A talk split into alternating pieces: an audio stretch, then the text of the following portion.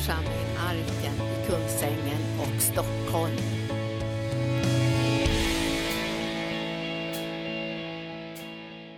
Det här var en professor eh, eh, eh som, var, eh, som var överläkare på ett av sjukhusen i Oslo.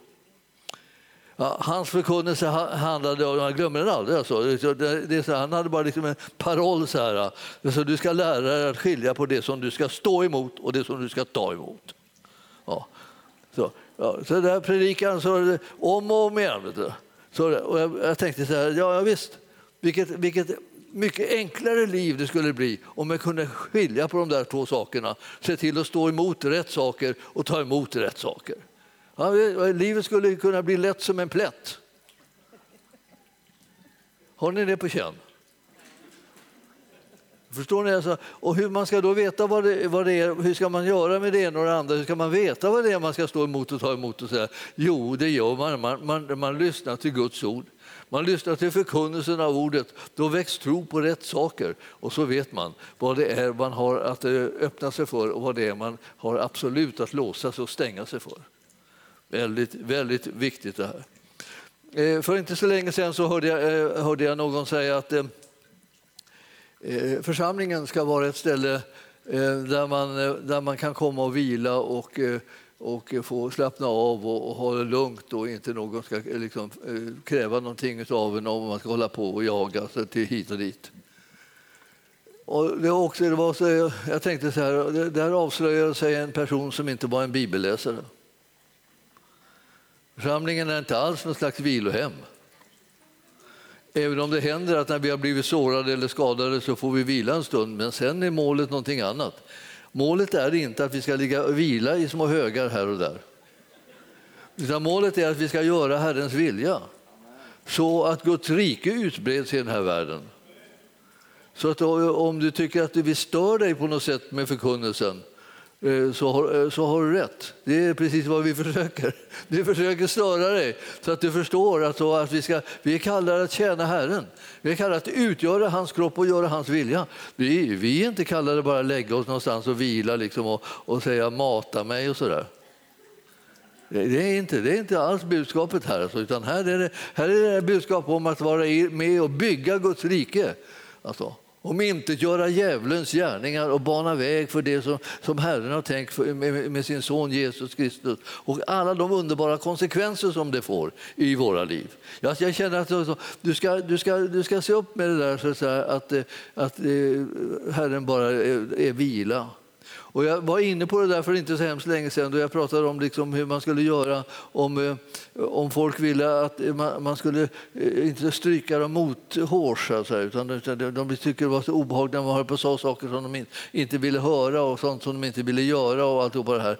Och så, och då, om de vill att man ska stryka dem medhårs så får de väl vända på sig. Det, då blir det ju plötsligt då blir det rätt så att säga. Det är inte, det, det är inte det, här, det här är någonting som man behöver liksom upptäcka. Liksom. Man kan inte bara stå där liksom och knota över usch vad obehagligt det känns. Usch, nu säger de att jag ska göra det här. Nu säger de att det här behövs i Guds rike. Nu säger de att vi måste, måste ta oss samman och sluta oss samman och, och, liksom, och, och samarbeta och liksom åstadkomma någonting. Ja, men visst, det är klart. Vi är Kristi kropp. Herren fortsätter sitt verk här på jorden. Han höll på så frenetiskt att han liksom blev alldeles trött. Och sen när han satt där och var trött och satte sig vid Sykars brunn och liksom med svetten lackade, han jobbade hela dagen, och det var bara, bara krylla folk överallt och tänkte att jag skulle kunna få andas ut ett slag och äntligen lärjungarna med alla sina frågor, de skulle gå in och köpa mat liksom i stan och så här. Och han slog sig ner vid brunnen. Då, då kom det genast en som, skulle ville, som ville att de skulle sätta igång och förklara saker och ting. Och, och, och så. Ja, han fick ett jobb, liksom, jobbet bara dök upp. Ja. Och du förstår att så där är det liksom också för oss. Alla vi som känner Herren, känner, känner hans gärningar, känner hans kraft, känner livet som man kan få i Jesus Kristus. Alla vi får hela tiden nytt jobb. Jobbet kommer vandrande till oss genom den ena efter den andra som vi möter liksom i livet här. Och, och det bara fortsätter. Och man kunde säga åh vad, åh vad jobbigt, jättejobbigt. Jag kommer ihåg när, när Linda brukar berätta att hon, hon fick så mycket telefonsamtal så eh, långt in på natten så att hon liksom somnade. Då, ty- då började hon undra liksom om det inte måste bli en annan lösning. Hon kunde inte ta alla samtalen, hon orkade inte. Men hon måste ju ta många samtal. Men vad ska man göra åt det då? Ja, man ska försöka bli fler och så kan man delegera. Så hjälp, hjälp, hjälp, hjälp, hjälp, kom och hjälp, kom och hjälp, kom och hjälp. Och så kommer det människor och hjälper. Underbart! Och så sätter man sin skuldra till som vi säger och så blir man fler och fler som håller på och hjälper och gör det här uppdraget som Herren vill ha gjort här på jorden. Alltså han, har, han önskar att hans kropp ska bli fullständigt sammanfogad och, och alla delarna ska finnas på plats så att han kan göra allt det där fortsatta arbete som han har här på jorden att göra. Och det är meningen att det ska han göra genom sin kropp. Så det är, liksom inte, det är faktiskt inte ett vilohem. Men jag menar, vi, vi, vi är inte sådana så att vi lämnar våra soldater när de har blivit slagna eller sårade och låter dem bara ligga där. Utan vi, liksom, vi, vi griper in med, med den smörjelse och den kraft som Gud har gett oss för att de ska bli helade, befriade och upprättade. Men sen är det dags att liksom ta itu med uppgiften igen. Så är det. Så att, eh, jag, jag känner att ibland så undrar jag vad har vi olika uppfattningar om vad själva kallelsen gäller. Kallelsen gäller ju liksom att utbreda Guds rike, vinna människor för Gud och liksom att se till att de som har blivit illa medfarna blir helade och befriade och upprättade och sedan insatta igen i sina funktioner för att tjäna Gud. Det är inte något fruktansvärt att tjäna Gud, det är härligt. Det är liksom livet självt. Ja, nu ska jag jag ska... Jag tänkte jag skulle, eh, eh, jag skulle läsa någon, någon rad här från första Timoteus. Alltså, första Timoteus eh, kapitel 1 och är det vers 12? Ja. Där, där, står någonting, så det, det, finns någonting, det finns en sån härlig källa som jag känner på mig att vi behöver vara överens om att vi använder allihopa. Det vill säga, den där källan som heter nåd och som heter kärlek och sådär. Den källan måste du och jag ösa ur tillsammans. Vi kan inte liksom ha olika källor för då tål vi inte, då tål vi inte vad vi hör. Utan när, när man hör förkunnelsen så måste man veta vilken källa man öser ur. Man ska ösa ur den här nådens källa. Man ska ösa ur kärlekens källa som Gud har gett till oss. Om man gör det tål man höra när han ger en ett uppdrag. Om man inte gör det så känner man liksom att uppdraget blir, blir en slags överansträngning som man hamnar i själv och så ska man pressa sig till någonting som man inte klarar av.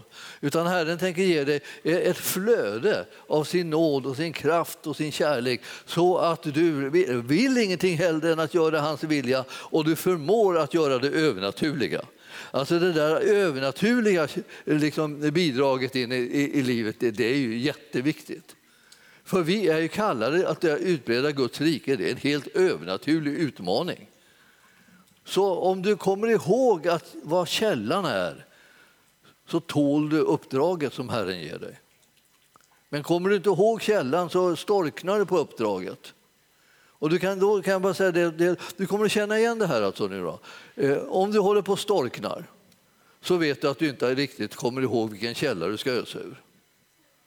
Och om du känner liksom att det här med uppdraget är bara så otroligt inspirerande och härligt, du bara vill kasta dig in i det, då har du fått tag i källan.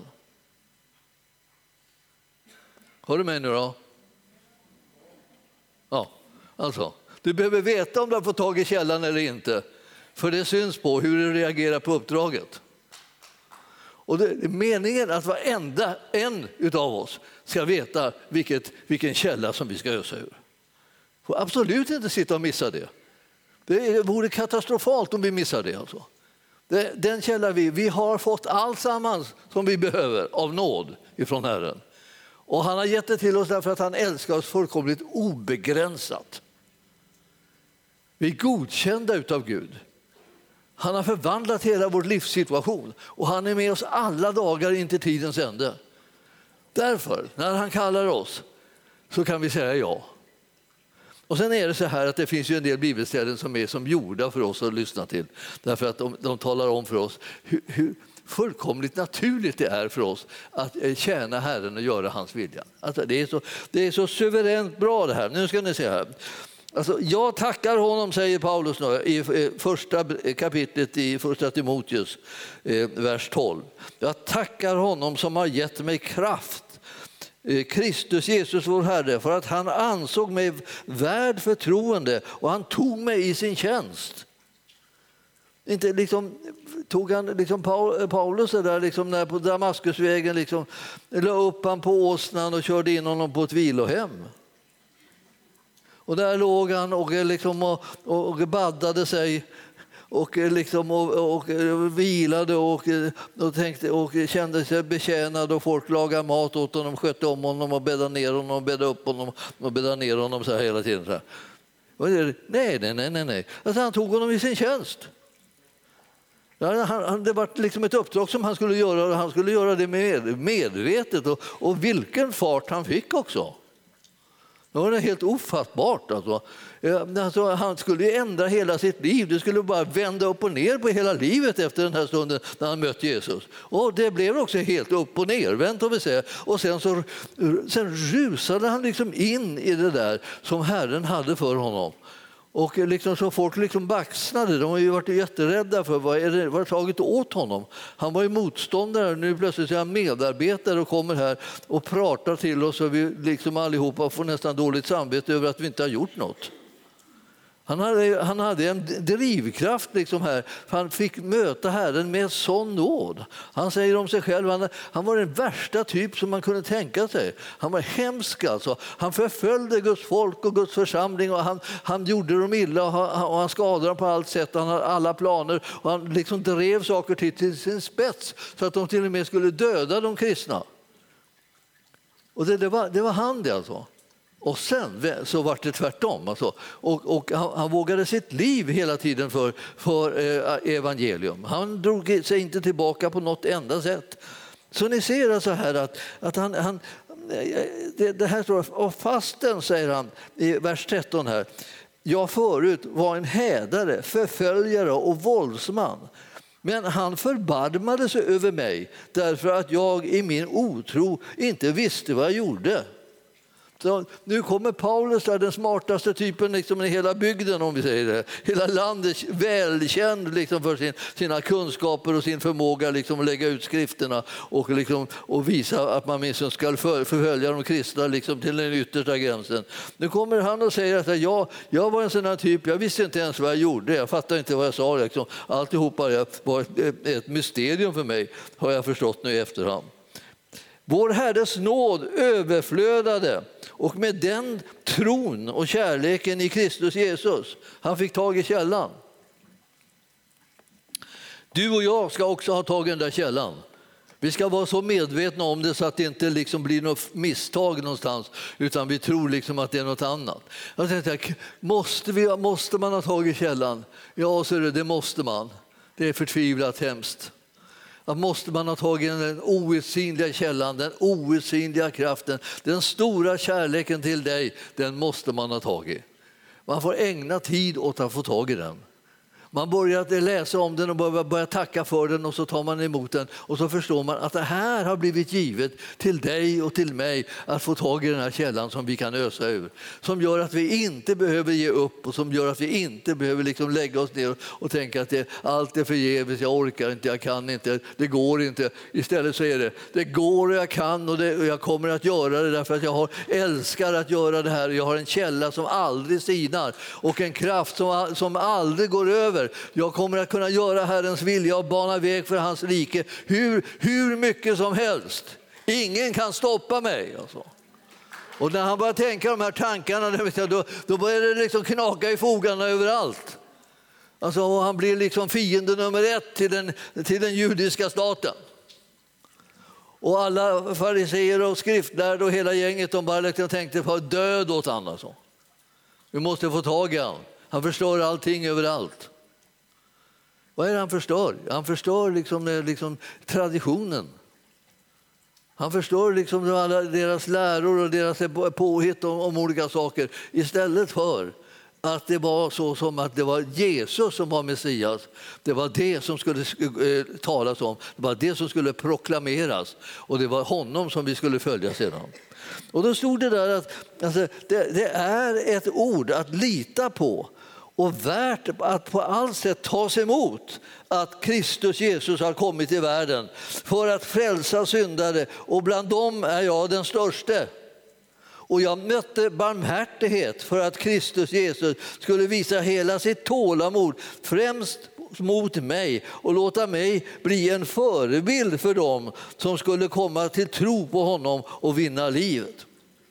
Men förstår alltså han säger, det här, alltså det här var ju så, jag, jag, jag, jag blev så att säga uttagen för att kunna vara ett levande exempel för dem så att alla de som såg mig och mötte mig skulle förstå att alltså det här det är Jesus som man ska tro på. Det är han som ger oss livet och här har vi en som har gått från mörker till ljus och det dånar om det. Och då tänker alla förstår det, där är han alltså.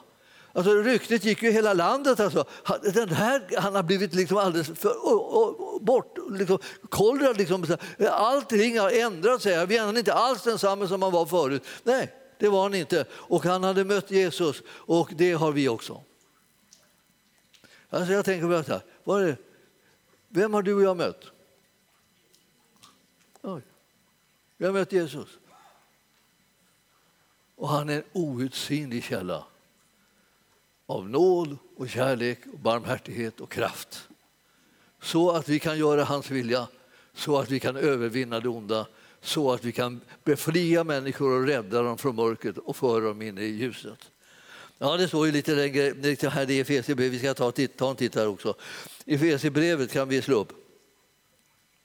Och jag tror att det var, eh, eh, var, det, var det först, först tänkte jag att vi ska titta på eh, Efesierbrevet 2. Det här, det här är... Den här texten var du inne på, Torbjörn. Och det var, jag vet inte, varenda gång som du kliver upp här så håller du på att ta mina texter. Vi får tala allvar om det där sen.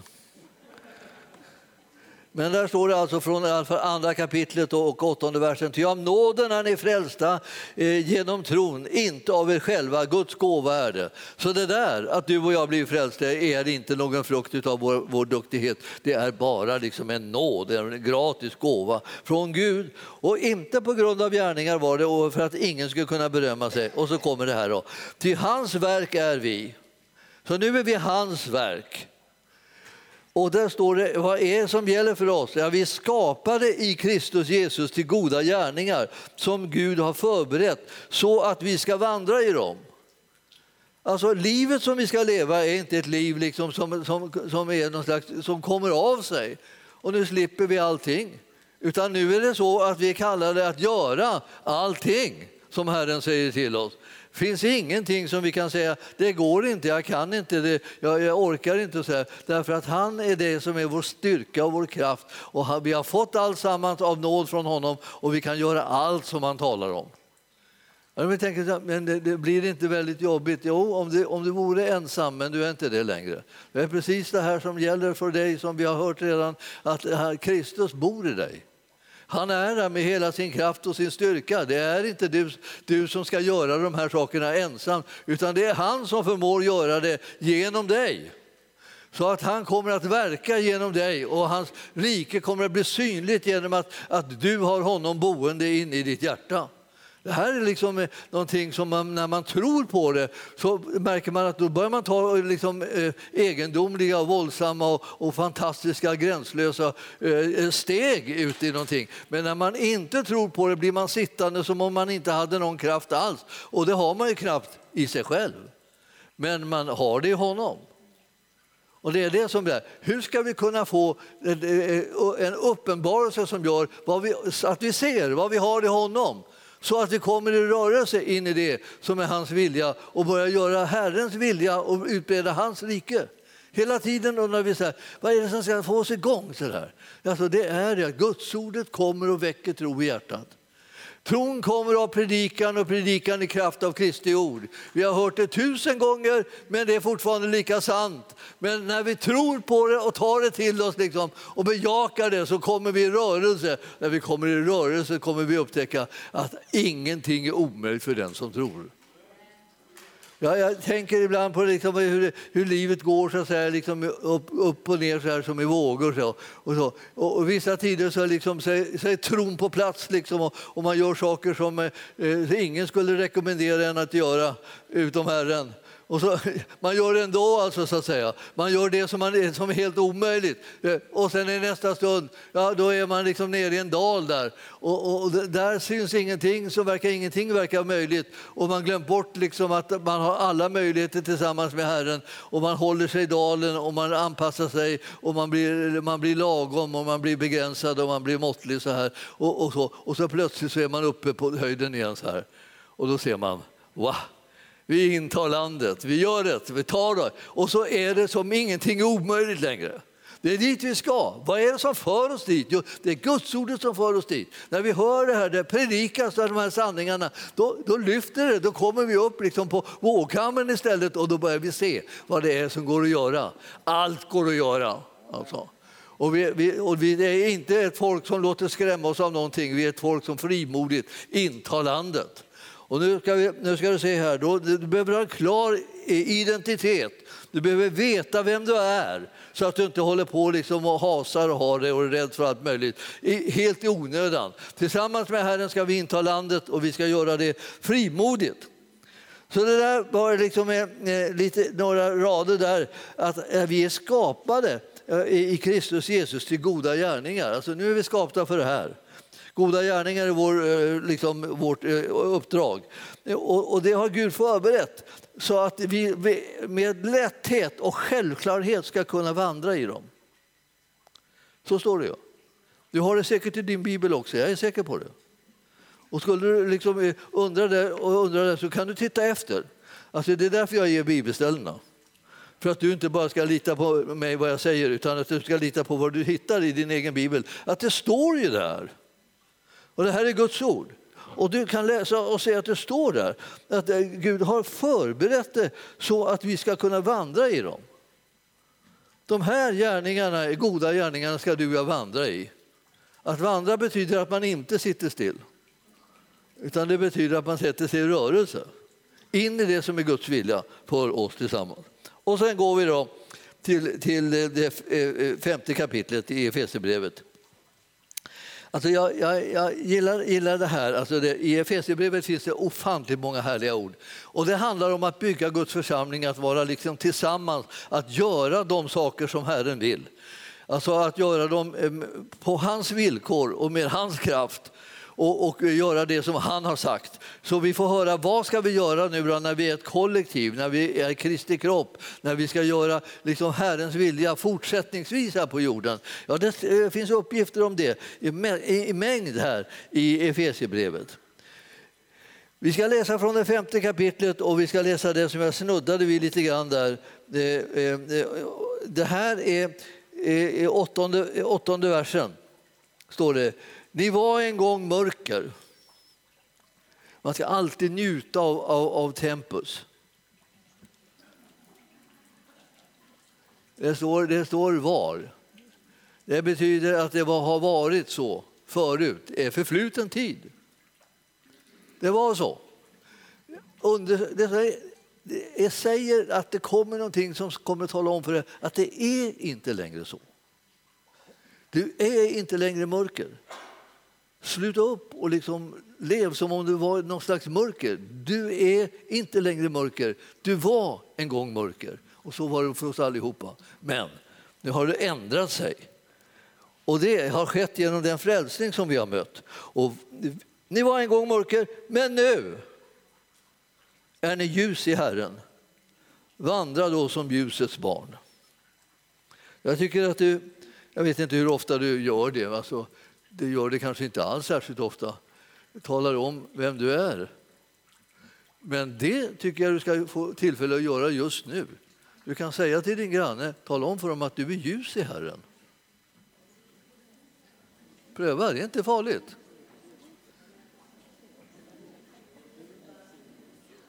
Jag är också ljus i Herren. Tack. Ljus i Herren, säger jag till er. Det är vad ni är. Och du vet, om du tycker att det, där, till och med, att det var lite ansträngande att säga jag är ljus i Herren. Förstår du? liksom? Om man, är, om man ska ut, ut och vandra som ett ljus nu då, eh, så, så måste man åtminstone våga sig på att säga att man är ljuset. Och tänkte jag, det är ju fullkomligt uppblåst liksom, att hålla på så där. Säga att man är ljus i Herren. Vad är, för du, vad är du för ett särskilt ljus? Ja, och nu är det frågan om när jag säger så där så verkar det som att jag ifrågasätter om du är något ljus eller inte. Ja, och om jag skulle göra det, och det kommer du säkert eh, höra många gånger att det kan bli så att du blir ifrågasatt om, du, om det är något ljus med dig eller ej. Då är det någon som ska känna till det bättre än någon annan och det är du. Att det är, är visst är ljus i Herren. Därför att han har tagit sin boning i dig och ditt, ditt mörker är förflutet och ditt nu är ljust. Och du ska våga bekänna det för, för, för världen, att det förhåller sig på det sättet. Och du ska vara stolt och du ska vara glad och du ska vara frimodig i den bekännelsen att du är ljus i Herren. Jag tänker ibland så här, vad, vad är det som gör att vi ska hålla på och skämmas för, det, för, eh, för sånt som är bra, men inte skäms för det som är dåligt? Man tycker liksom, ja, det, finns det dåliga saker i ens liv, då smälter man ju in i världen. Då är det ingen som bråkar med en, för de är likadana. Så, så det bara smälter man in och allt är liksom är okej. Okay, Men i själva verket så är det så att när du säger att du är ljus i Herren, det är då som du avslöjar mörkret som finns runt omkring dig. Och det avslöjas av att du, du, du gör anspråk på att lysa i den här världen. Därför att du har livsgemenskap tillsammans med Jesus. Och säger du sådana här saker så börjar det bli, uppstå en skillnad mellan ljus och mörker i världen. Och det måste bli en sån skillnad som blir tydlig så att människor kan välja ljuset istället för att stanna kvar i mörkret. Eller hur? Är det inte så? Det är alltså, menar, så länge som liksom vi döljer ljuset så, så uppstår det ingen valsituation för människor. Det är så mycket så här, och eh, när man pratar så mycket så här, ja, vi ska ut och evangelisera, vi ska ut och evangelisera. Men du, du har ju själv en möjlighet att vara, ett, vara en eh, evangelisationssituation eh, jämt och ständigt. Om du bekänner dig till att du är ljus i den här världen så kommer mörkret liksom att reagera på dig och du kommer att få en massa samtal som, som du kanske inte ens skulle vilja ha men som är så bra Därför att nu kan du börja säga vem Jesus är och vilken väg som det finns till frälsning för varje människa. Det här är sånt där som är så, behövs inte liksom någon stor kampanj kring det utan det, är liksom, det starkaste som finns är, liksom är, är levande kristna som är ljus och lyser i världen och bekänner sig till det och inte skäms för sin Herre. Alltså. Och det, här är liksom, det, är lättare att gå i en hel klump skott med människor men det är liksom fantastiskt vilken effekt det har när man bara bekänner sig till sin egen tro på Herren och bekänner sig till att man är ljus. Ni förstår det. Eh, tänk på din arbetsplats och så tänk att du säger där så här, jag är ljus i Herren. Tänk på det. Va? Vad, vad, vad händer då? Liksom? Du ska inte tro att det blir så här, det kan ju så att de kan försöka liksom vara tysta och inte låtsas att de hörde det där. Men du kan säga det igen då, om det verkar som de inte reagerar på det. Och då blir det liksom en väldig reaktion liksom på det. Om du inte råkar ha förmånen liksom att, att, att, arbeta på en kristen arbetsplats. Men det har ju de flesta inte. Där kan man ju säga eh, sanningen utan liksom att någon reagerar på något. Man vet ju inte om det är riktigt bra heller. Man borde, eller jublar de helt enkelt och tänker att det är jag också. Det borde det allra bästa. Men ni förstår ändå, det här, eh, att bekänna sig till det här, att det har skett en sån förändring. När vi tog emot Jesus så gick vi från mörker till ljus. Vi var i mörker förut, men nu är vi ljus i Herren och ingen ska liksom ta miste på det och vi ska proklamera ut det. För att liksom väcka människor. Tänk att det finns människor som går omkring i det här landet och säger att de är ljus i Herren. Du förstår, det här blir ett samtalsämne. Det blir någonting som man kan bli upprörd över. Man kan säga att det är otäckt att få dem gå lösa. Va? Sådana där som tror att de är ljus i Herren. ska de bara springa omkring på våra gator och säga vad som helst? Det ska de. Och vi ska vara frimodiga i det. Därför att eh, om människor får veta att det finns en sådan frälsning, att det finns en sådan underbar frälsare som Jesus, ja, då börjar den ena efter den andra vilja ta emot det. Vi ska vara stolta över Herren och vi ska vara stolta över det här budskapet som vi har fått. Alltså. Det är ju, är ju strålande. Alltså. Här står det ty. Vi ska vandra som ljusets barn. Ty ljusets frukt består i allt vad godhet, rättfärdighet och sanning heter. Det här, jag kände liksom att eh, vad är det vi ska leva ut för slags liv? Ja, vi ska leva ut ett liv eh, som, eh, som blir synligt med den här frukten. Alltså godhet, rättfärdighet och sanning. Hela världen liksom skulle, vad ska jag säga, är främmande för att det finns en sanning. Det är mer att det finns åsikter. Det finns tankar, det finns liksom olika eh, eh, vad ska jag säga, eh, ståndpunkter som man har. Men om man säger att det finns en sanning så blir det, ja, har man anspråk på att det är massor av saker som är helt och hållet lögn. Vi, vi, vi tror på sanningen, precis som Jesus proklamerade den och sa alltså, Eh, att han, han var sanningen.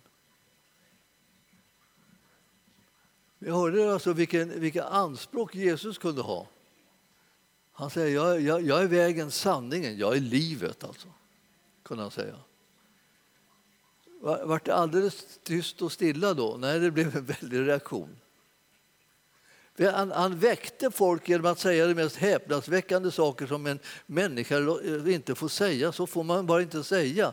Sådana där anspråk får man bara inte ha. Det här är att gå för långt. Det stöter ju människor att säga sådana saker. Och så säger Jesus det ändå. Och, och, då tänker jag liksom så här, det är precis det här som, eh, som Torbjörn påminde om, alltså, att vi ska likna Jesus. Ni vet. Vi ska inte bara likna Jesus i att vi botar sjuka, utan vi ska likna Jesus också i att vi säger sanningen. På alla möjliga områden säger vi sanningen. Och så får vi rörelse till stånd och så blir det öppningar för evangelium. För det kan komma frågor som, eh, frågor som du har längtat efter att eh, någon skulle ställa och som du gärna vill svara på men som inte har kommit därför att du aldrig sagt sanningen utan du bara liksom gått omkring och varit smidig. Vi, vi är inte kallade att vara så där rasande smidiga. Jag vet att det inte är enkelt att liksom vara, vara så här... Eh, eh det känns som att man är konfronterande för att man säger sanningen. När, när man, folk säger lögnen så känner de sig inte konfronterade utan, och det, det ska passera. Liksom bara. Men ni förstår att vi, vårt uppdrag är att säga sanningen. Vårt uppdrag är att säga vem är Jesus då? Han har anspråk på att liksom vara, vara hela världens frälsare. Han vill frälsa alla människor, han vill få, föra alla människor till himlen. Han vill, han vill rädda alla människor. Och, och vi är hans sändebud. Vi, vi ska säga de här sakerna som, som låter så gammaldags och så här. Alltså, låt försona er med Gud, ska vi säga till folk. Ni behöver honom. Han kan rädda er. Han kan hjälpa er. Han kan förvandla hela situationen som du befinner dig i. Ta emot honom. Vandra med honom, följ honom. Lyssna till vad han säger. Ta emot hans budskap så kommer du märka hur ditt liv blir förvandlat. Du behöver liksom lära känna honom. Han är den enda som kan rädda oss. Det finns ingen annan. Vi har ett anspråk på att säga sådana sanningar som alltså är fullkomligt kompromisslösa. Det är bara han som kan rädda människor. Det är, inte, det är inte bara lite hygglighet eller lite snällhet eller lite sådär, eller ställer, man ställer upp lite för varandra och så. Utan det är budskapet om frälsaren. Han är enda räddningen. Och vi behöver tala om honom hela tiden och överallt. Vi behöver vara ett störande inslag i tillvaron i den här världen. Jesus var det genomgående. Och jag tänker ibland så här, vi tycker att Jesus, ja, men Jesus han var snäll, han är så god. Han är så, ja, visst, han är det. Men han är störande också hela tiden. Hela tiden håller, håller han på och stör. Stör världen, omvärlden stör med sina, sina påståenden, sina anspråk och så här. Stör, irriterar dem så här, som, som tycker att de är experter på allting. Och han säger saker som går stick i stäv med vad de, har, vad de har haft för åsikter och tankar om det hela i, i det andliga. Det är typiskt Jesus. Och låt oss likna honom. Och tänka, det, här, nu, det här nu blir det jobbigt. Då ska jag tala om för dig att eh, Eh, det, är den, det, är, det är den spontana reaktionen som man känner att man får på det här. Va? Eh, jag känner så här, vad, vad, säger jag för någonting? Ska vi hålla på så där? Vi känner oss alla pressade liksom av liksom, att börja här, vara som Jesus. Då. Man orkar inte med det. Det tror inte jag heller man orkar med om man inte öser den här källan. Alltså det finns någonting som du och jag behöver fokusera på oerhört starkt. Och det är på den ofattbart stora nåd som du och jag har mött. Den enorma kärlek som Herren har visat oss när han gav sitt liv för oss. Du och jag behöver fokusera på det. Vi får inte liksom låta våra, våra tankar st sticka iväg vart som helst, utan de måste dit. Dit till honom som har gett sitt liv för oss.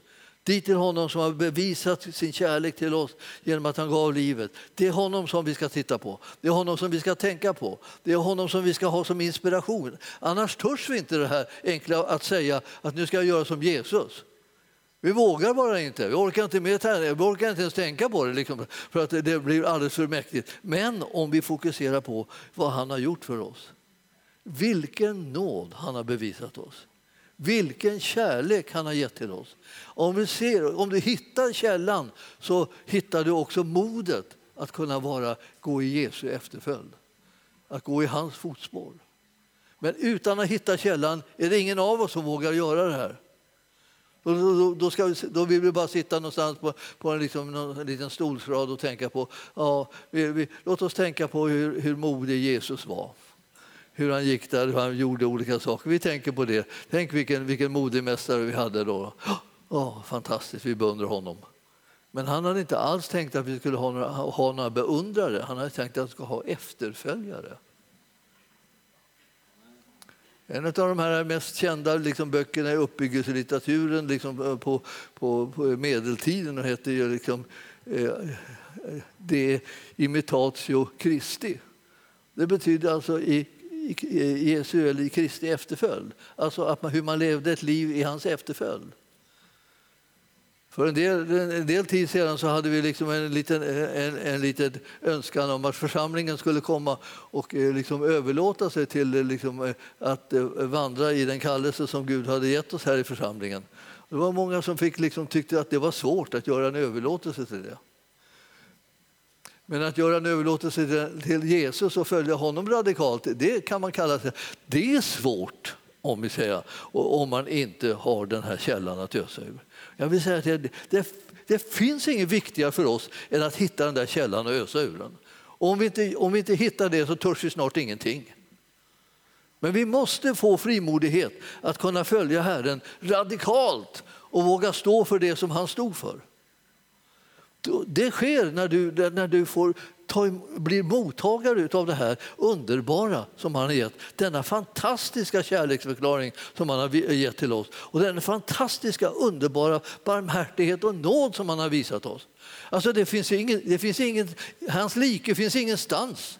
Det är honom som vi behöver liksom vara i kontakt med ordentligt och känna att vi av det här, att det här är verkligheten. Så här mycket har han älskat oss, att han har gett sitt liv för oss. Det är det som är verkligheten. Och när vi får tag i den där verkligheten då är det som att, att liksom fruktan eh, viker. Vi, strunt, vi struntar i att vara rädda. Liksom det, vi, har, vi, har, vi, har, inte tid, vi har inte lust. Vad, vad vill vi göra då? Ja, vi vill följa Jesus och likna honom och göra som han.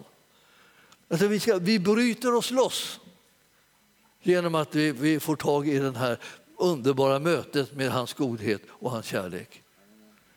Du tillhör dem som ska föra ut evangelium. Du tillhör dem som han har utvalt och kallat och han vill att du ska göra det utan fruktan. Alltså. Och när, jag, när, när jag fann det där att vi tillhörde ett folk som skulle tjäna Herren utan fruktan i alla våra livsdagar, då kände jag liksom, där har vi det. Det är dit vi ska. Det folket tillhör vi. Där, med dem ska vi vandra och vi ska stötta varandra och vi ska påminna varandra om vilken fantastisk seger som Jesus har vunnit för oss och vilken oerhörd eh, vinst det är när han bara trampat synden, döden och djävulen under sina fötter. Och nu, nu, nu kan vi frimodigt gå ut i den här världen och erbjuda dem en utväg från allt det här som har bundit dem och begränsat dem och skrämt dem eh, fast de har låtsats liksom att det, det är ingen fara, det är ingen fara och bara försöker hålla god min. Det är, ingenting, det är livsfarligt alltså att leva ett liv utan Jesus. Det är Jesus som är den enda räddningen. Så tänk på att ni behöver det här. Gå till, gå till källan om ni känner er osäkra på den här delen. Gå till källan och ös ur den hur mycket som helst tills ni blir frimodiga så att inte någon kan stoppa er därför att ni har varit med honom. Och det var det precis det här som, som hände med de första lärjungarna. Alltså, de blev så förvånansvärt frimodiga och djärva så man undrar vad är det med dem? Och så fick man, kom man på vad det var med dem. De hade ju varit med Jesus. Därmed så var det liksom slut med allt liksom krypande och all försiktighet, all rädsla och alltihopa. Utan de hade bara frimodigt ställt sig upp och vittnat om sin tro och, om vad Jesus hade gjort och vem han var och vad, de skulle göra. Och de, de, kände, de kände inte igen dem. Det här var helt andra än de som de hade sett tidigare. De, ja, nu var de liksom så påverkade av gemenskapen med Herren så att de var inte längre rädda för någonting inte ens för myndigheterna. Det är ju en vanlig, vanlig sjuka att vara rädd för myndigheter. Jag kom på det en, en gång då jag kom på att myndigheter var en liten person som satt bakom ett skrivbord. jag, jag, jag, när, jag kom på, när jag såg det liksom, så, så, jag började nästan skratta. Jag fick liksom vända mig bort och samla mig. Sådär kom vända tillbaka ett samlat ansikte. Men där satt det liksom en, en, liten, en liten person liksom och försökte bara krångla med några, med några papper som den hade. Och jag tänkte, vad, vad är det här för någonting att vara rädd för? Jag bryr mig inte om det. Jag, jag tar för givet att den rättar sig efter det som jag behöver. Men väldigt vad det påverkar saken. För då kliver man bara på och säger det är bra att du sitter här och, eh, och hjälper mig med de här sakerna. Jag behöver det här och det här och det här. Så här. Ja. Och, och eh, då, då, då, plötsligt så blir myndigheterna osäkra och så då så. Ja, du ska göra så här, och den pekar skriv här och det och det här.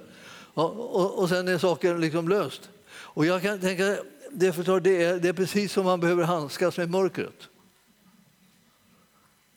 Man tar kommandot. Och sen står man det emot och då måste de bara fly bort ifrån den. Så att vi, har, vi har fått löften om hur, hur, hur, det ska bli när du och jag vandrar här på jorden och stöter på olika krafter och makter och, och, och, och sammanslutningar och allt vad det är för någonting. Hur ska vi få det att vika? Alltså, den makten har vi fått i namnet Jesus. Därför finns det frimodighet och liksom en glädje hur, alltså, att, att få vandra i Jesu fotspår och se hur han banar vägen för oss. Alltså vägen är förberedd så att vi kan vandra i den. Den vägen som Herren vill att vi ska gå. Och ju mer vi tänker på det där och ju mer vi ser att det är så det står skrivet och vi behöver inte alls vara tveksamma om det. Är det meningen att vi ska ha, göra på det här sättet, kunna bara gå fram och bara göra anspråk på det ena och det andra? Ja, det är meningen. Därför det är det mandatet som vi har fått och det är den uppgiften som vi har. Vi ska hålla på att utbreda Guds rike i den här världen och vi ska göra Jesus känd och vi ska befria människorna från den fångenskap som de har hamnat i genom synden. Och, och, och deras glädje kommer bli stor, och vår också. Därför att, halleluja, alltså, vi vinner seger. Ja, nu ska jag inte bråka mer. mer. Men det var, jag har bråkat lite grann. Jag har bråkat lite grann. Jag hoppas det går, det går, ni klarar er.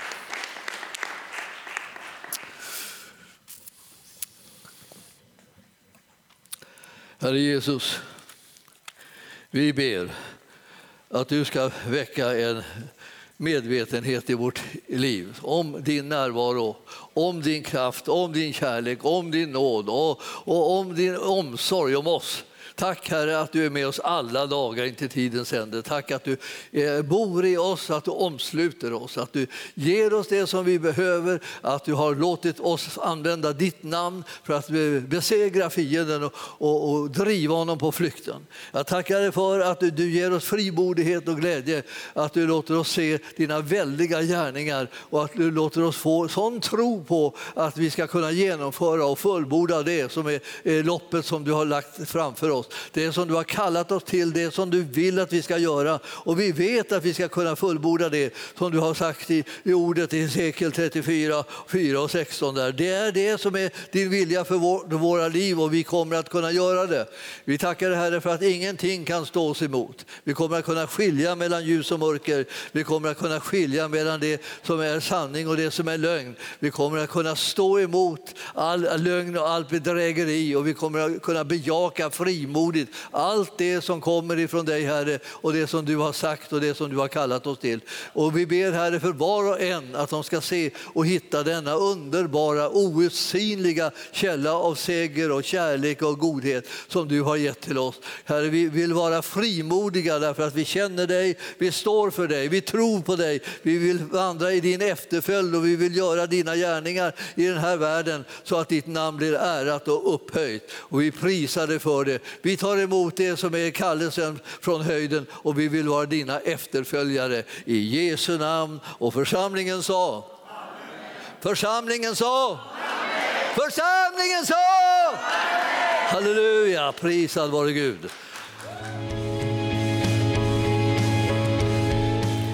Tack för att du har lyssnat. Vill du få del av mer information om församlingen Arken, vår helande tjänst, bibelskola och övriga arbete, gå in på www.arken.org.